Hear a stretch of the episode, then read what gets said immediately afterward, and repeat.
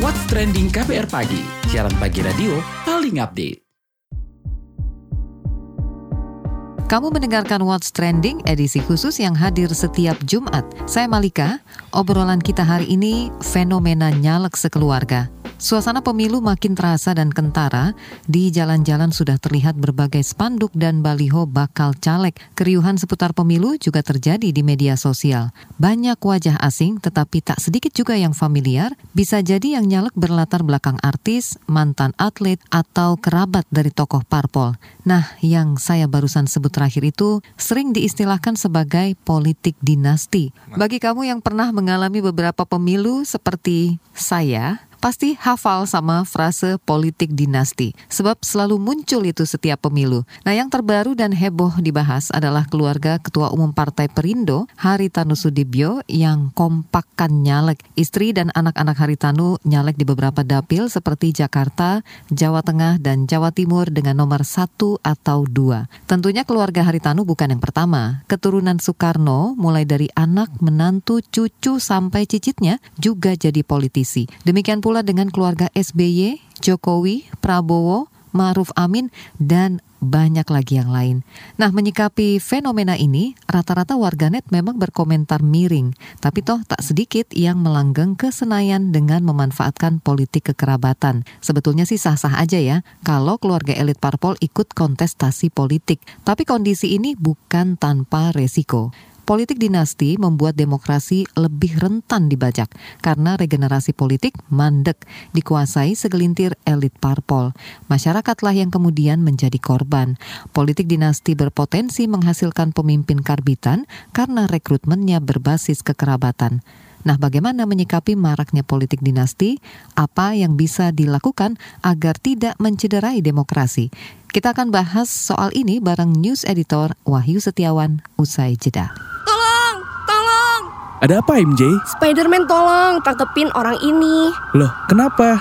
Aku habis kena tipu investasi bodong nih. Sekarang aku bangkrut. Kosanku bakal nunggak tiga bulan. Oh alah, pasti belum dengerin uang bicara ya? Uang bicara? Apa itu? Podcast ekonomi dan literasi finansial dari KBR Prime. Narasumbernya kredibel dan topiknya cocok banget buat anak muda kayak kita. Ada juga nih, topik biar nggak ketipu investasi bodong. Oh iya, aku dengerin deh. Tapi kamu mau kan nangkep penjahatnya? Siap, apa sih yang gak buat kamu? Uang Bicara, menavigasi kamu supaya tetap cuan dari KBR Prime. What's Trending KBR Pagi, siaran pagi radio paling update. Kembali dalam What's Trending edisi khusus yang hadir setiap Jumat, saya Malika. Obrolan kita hari ini fenomena nyalek sekeluarga. Wahyu, bagaimana nih Anda memandang politik dinasti yang selalu muncul di tiap pemilu? Malah cenderung makin menjamur sih kayaknya ya. Banyak yang bermunculan nih keluarga politik baru, misalnya keluarga Haritanu dan keluarga Jokowi. Tapi sebetulnya sih ini nggak bisa dilarang juga ya, karena itu hak politik mereka toh. Iya betul Malika, itu nggak bisa dilarang ya karena hak konstitusional mereka sebagai warga negara yang dijamin oleh Undang-Undang Dasar ya. Mm -mm.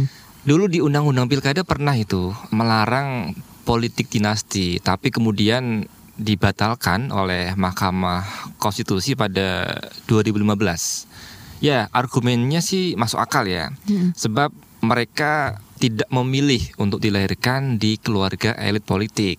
Nah, fenomena politik dinasti juga ada loh di negara-negara maju seperti Amerika Serikat dan Eropa. Misalnya keluarga Kennedy, hmm. Bush dan Clinton di Amerika yang memang terkenal sebagai keluarga politik. Namun, kalau di sana mereka harus melewati seleksi yang ketat sehingga nih jika terpilih itu juga karena faktor kompetensi. Hmm. Beda ya kalau Dengan di sini kan di sini. Ya, hmm. kekerabatan. Menurut peneliti Forum Masyarakat Peduli Parlemen Indonesia, Formapi, Lucius Karus, politik dinasti di Indonesia mematikan regenerasi politik dan cenderung diskriminatif. Mereka tak perlu mengantre bareng kader-kader biasa jadi tiket nyalek mereka ya didapatkan karena faktor kekerabatan. Jadi kans untuk terpilih juga makin besar karena mereka punya sumber daya seperti modal dan hmm. jejaring yang luas ya Malika. Nah, ada kemungkinan jika mereka berhasil menduduki jabatan-jabatan penting, potensi korupsi terbuka lebar kalau yang kemudian ada di jejaring kekuasaan itu orang-orang yang berasal dari kekerabatan atau keluarga yang sama, itu artinya pembicaraan terkait kebijakan publik itu menjadi terbatas pada mereka gitu ya. Jadi uh, tertutup pemerintahan yang kemudian akan dikelola oleh orang-orang dari kelompok dinasti yang sama gitu ya dan sistem pemerintahan yang tertutup itu selalu menjadi ruang paling subur atau lahan paling subur bagi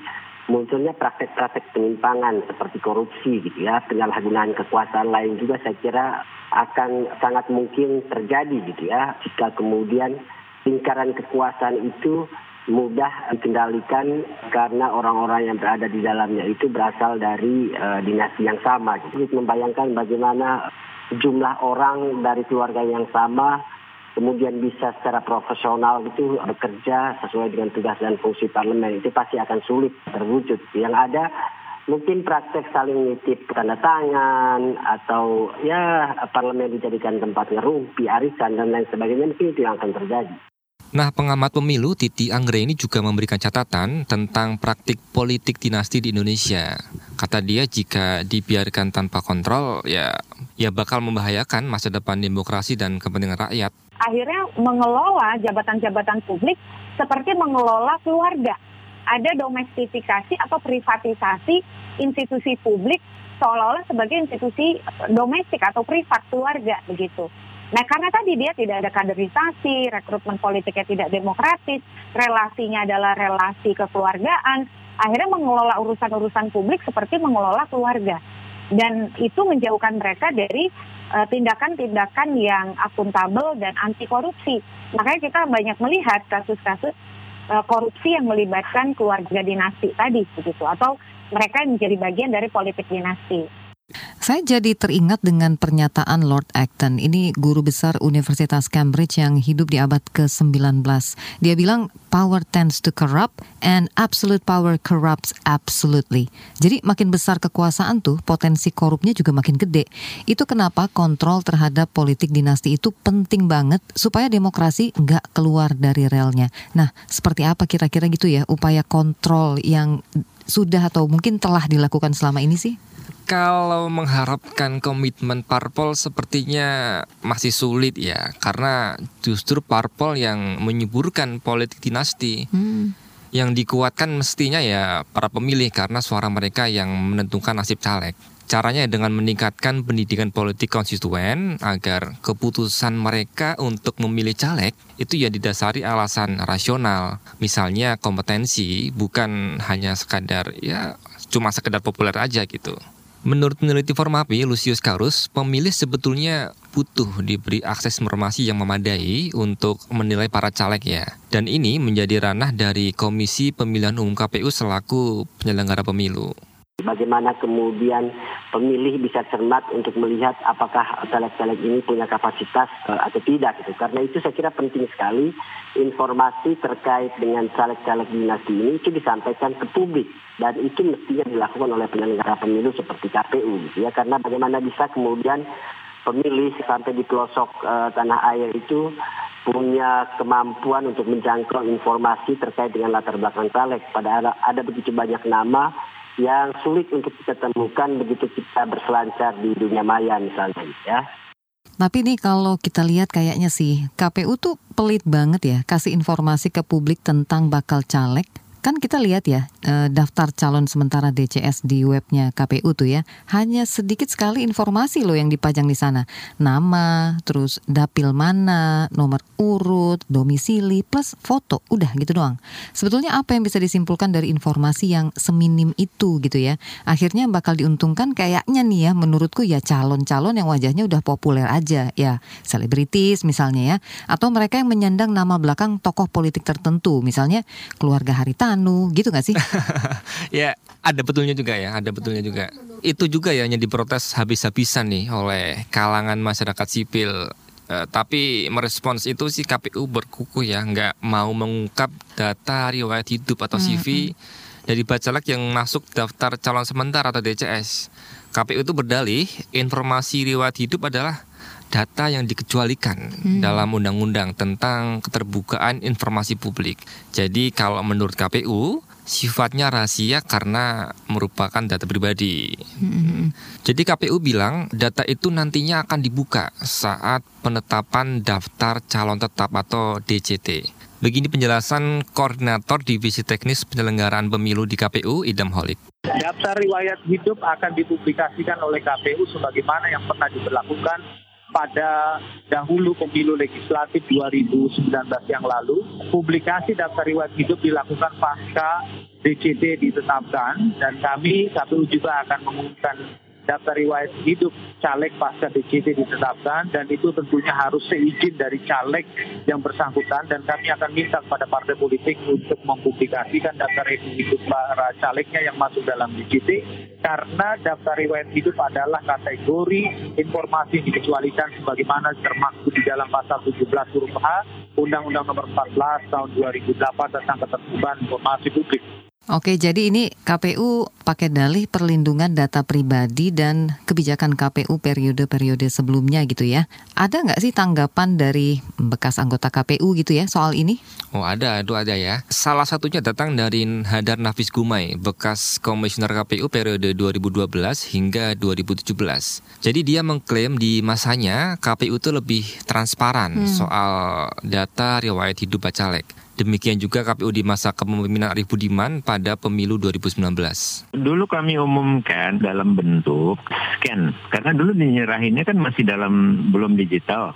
Jadi form, dulu itu seingat saya kami buka, walaupun tidak cepat juga karena dulu kita itu ada form pernyataan menyatakan bersedia, tidak bersedia data ini dibuka di bagian bawah.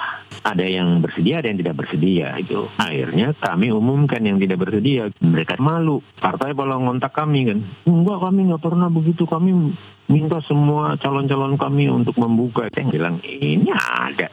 Jadi akhirnya mereka panik gitu ya ya udah kami buka aja semua cuma dulu bentuknya scan kalau sekarang kan udah pakai teknologi jadi seharusnya nggak ada kesulitan untuk melakukannya dengan lebih awal Nah kalau pengamat pemilu Titi Anggra ini menyebut di pemilu 2014 zaman Hadar itu dan 2019 eranya Arif Budiman, mm -hmm. KPU-nya memang punya inisiatif soal transparansi Malika. Meski dulu juga masih diprotes sana sini ya, terutama soal form kesediaan bacalek dibuka datanya. Bahkan itu sudah mulai dilakukan ketika pengumuman DCS.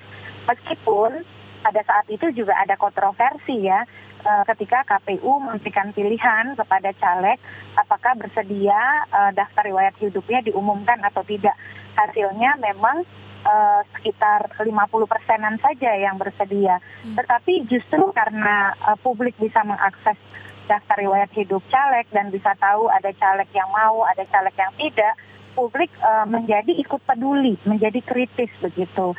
Akhirnya ada sorotan dan uh, kemudian uh, kritik kepada partai yang membiarkan calegnya untuk tidak membuka daftar riwayat hidup. Bagaimana kamu melihat cinta? Seberapa jauh eksplorasimu soal cinta? Nikah, pacaran, cinta aja nggak cukup gitu. Tapi kalau saya bilang cinta aja tuh cukup. Makna cinta, Cile, aduh. Pokoknya ketika bilang cinta itu gue cuma tahu kalau you fall in love with the person and the complete package of the person ya. Cinta itu bisa menyenangkan, tapi cinta itu kadang rumit. Tiap orang punya ragam cerita cintanya. Love Bus membebaskan kamu mendefinisikan dan mengalaminya. Tak ekspektasi itu ada kayak banting-banting meja, banting-banting piring gitu. Tapi gue ngerasa if I feel it, I need to say it. Dengarkan Love Bus di kbrprime.id Tersedia juga di platform mendengarkan podcast lainnya. Love Buzz membicarakan perkara yang tidak dibicarakan ketika berbicara perkara cinta. What's trending KPR pagi? Siaran pagi radio paling update. Kita masih di What's Trending edisi khusus yang hadir setiap Jumat. Saya Malika, obrolan kita hari ini fenomena nyalek sekeluarga. Saya ingat saat KPU dipimpin Arif Budiman dulu nih Wahyu ya. Mereka juga mengumumkan caleg ex koruptor, bekas koruptor. Sedangkan KPU sekarang ini belum ada tanda-tanda bakal mengikuti jejak yang sama gitu kayaknya ya. Desakan sebetulnya udah datang loh dari organisasi anti korupsi kayak ICW gitu yang sudah merilis temuan awal soal 15 bacalek bekas koruptor. KPU periode sekarang disebut mengalami kemunduran gitu kayaknya dibanding KPU-KPU sebelumnya. Iya, saya juga bingung ya alasan mereka kenapa mengungkap itu ya, bekas koruptor nyalek ya. Eh, beberapa waktu lalu KPU juga sempat berselisih panjang nih dengan Badan Pengawas Pemilu Bawaslu ya lagi-lagi soal akses data bacalek itu.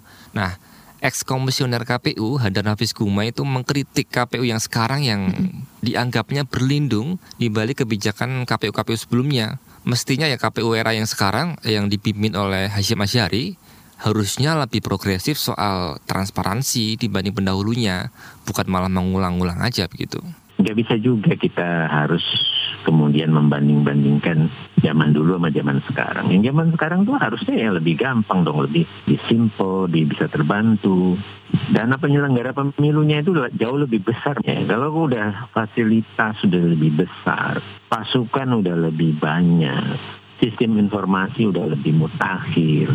Ya logis-logis aja dong harus lebih baik gitu. Jadi jangan terus kemudian membandingkan zaman dulu juga begitu lah. Ini kan bukan zaman dulu, ini zaman sekarang. Hadar bilang tak perlu lagi ada semacam form kesediaan bacalek ya yang untuk dibuka datanya. Selain itu data seperti riwayat pekerjaan dan riwayat pendidikan ya harusnya tak perlu dirahasiakan Hmm, lagi. Hadar menyebut KPU keliru nih memahami undang-undang keterbukaan informasi ya seperti yang tadi dijelaskan oleh Idam Holik. Aku kalau jadi warga juga bingung sih kalau baca cuma datanya itu saja ya.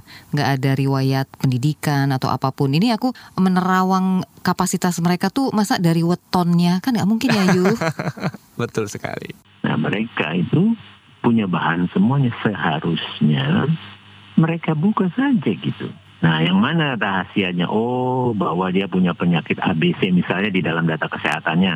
Nah oke itu memang adalah data rahasia pribadi. Misalnya dia punya eh, anak nama-namanya dan sebagainya. Mungkin itu juga masuk. Misalnya nicknya oke. Akun banknya misalnya oke. Gitu loh. Tapi yang kita butuhkan itu kan bukan itu. Cukup mengenai riwayat pekerjaan dia apa, tahun berapa dia mulai bekerja di mana, yang dia ngaku aja itu. Di riwayat pendidikan dia lulus SMA, SD, SMP, whatever lah, di luar negeri di sana sini tahun berapa, universitas apa, dia ngakunya di mana gitu. Kan gitu. Kemudian riwayat di organisasi, oh dia AMI di sini, DPMI di sana, misalnya oh dia adalah catatan pengusaha muda di sini sebagai ketua, kan begitu. Itu rahasia yang benar aja gitu loh. Jadi dan kemudian juga kan dikumpulkan ada status hukum kan mereka bahwa dia pernah terpidana atau tidak, bahwa dia adalah uh, tidak pernah gitu kan. Itu kan perlihatkan saja gitu. Ya saya juga tergelitik dengan sikap KPU yang ngotot nggak mau buka informasi bacalek. Kita ngelamar kerja aja tuh kan kan mesti bikin CV lengkap gitu ya. Apalagi ini urusan menyeleksi bakal pejabat negara. Bukannya justru malah kudunya dibuka sebanyak-banyaknya tuh informasi ya tentang si kandidat. Biar nggak salah pilih kita. Iya iya itu betul sekali menurutku juga ya. Eh, kalau menurut pengamat pemilu Titi Anggreni juga menilai sikap KPU yang sekarang ini agak janggal ya dan kontradiktif begitu. Harusnya sejak DCS diterbitkan data riwayat hidup itu dibuka sekalian. Kan ada masa tanggapan tuh yang pekan lalu ya. Berarti KPU kan berharap publik ikut mencermati bacalek. Bagaimana bisa menanggapi kalau datanya aja nggak dibuka ya? Yang dirahasiakan itu adalah informasi, bukan dokumen. Nah, apakah semua dokumen riwayat hidup informasinya itu rahasia? KPU juga perlu akuntabel. Yang rahasia itu informasi yang mana begitu?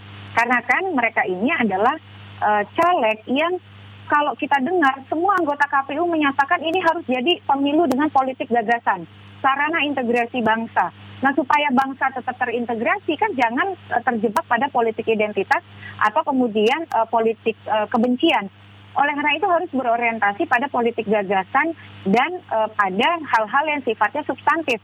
Nah supaya tidak jadi terbelah, ya biarkan masyarakat itu fokus pada mencermati kinerja dan rekam jejak caleg. Oleh karena itu bukalah informasinya begitu. Gerak-gerik KPU yang aneh ini membuat mantan komisioner KPU dan Nafis Gumai juga curiga ya Malika. Hmm. Jadi Hadar ini curiga dan dia menduga KPU ini sebenarnya belum memiliki dokumen lengkap dari Hmm. bacalek. Nah ini aneh nih kalau misalkan terbukti beneran ya. Heeh.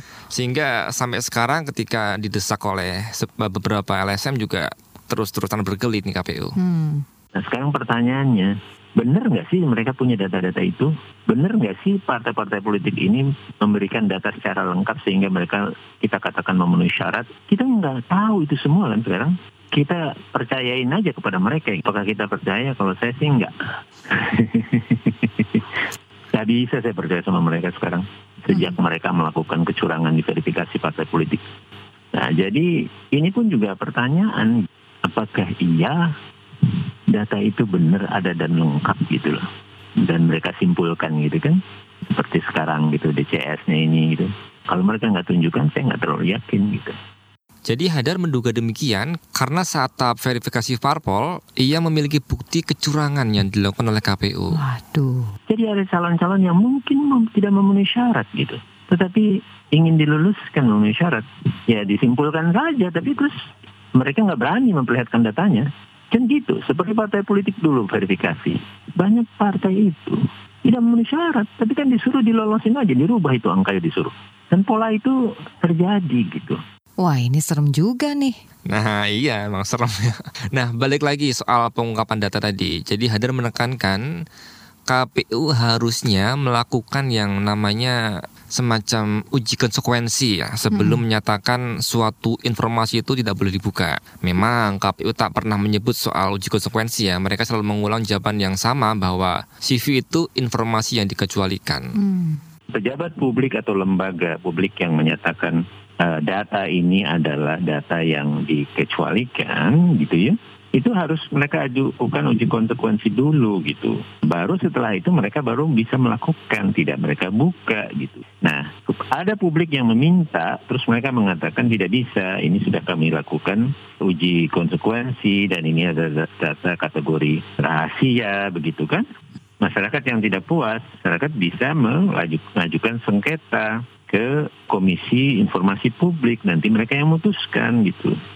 Begitu prosedurnya gitu. Nah jadi mereka nggak bisa menetapkan sendiri sepihak saja gitu tanpa melalui proses satu uji konsekuensi dulu untuk hal-hal atau data atau informasi yang mereka mau nyatakan sebagai rahasia gitu. Kecuali memang data tersebut sudah masuk kategori rahasia di atau data data privat begitu kerahasiaan eh, pribadi gitu yang sudah memang diputuskan di dalam undang-undang eh, kebebasan informasi publik ini gitu.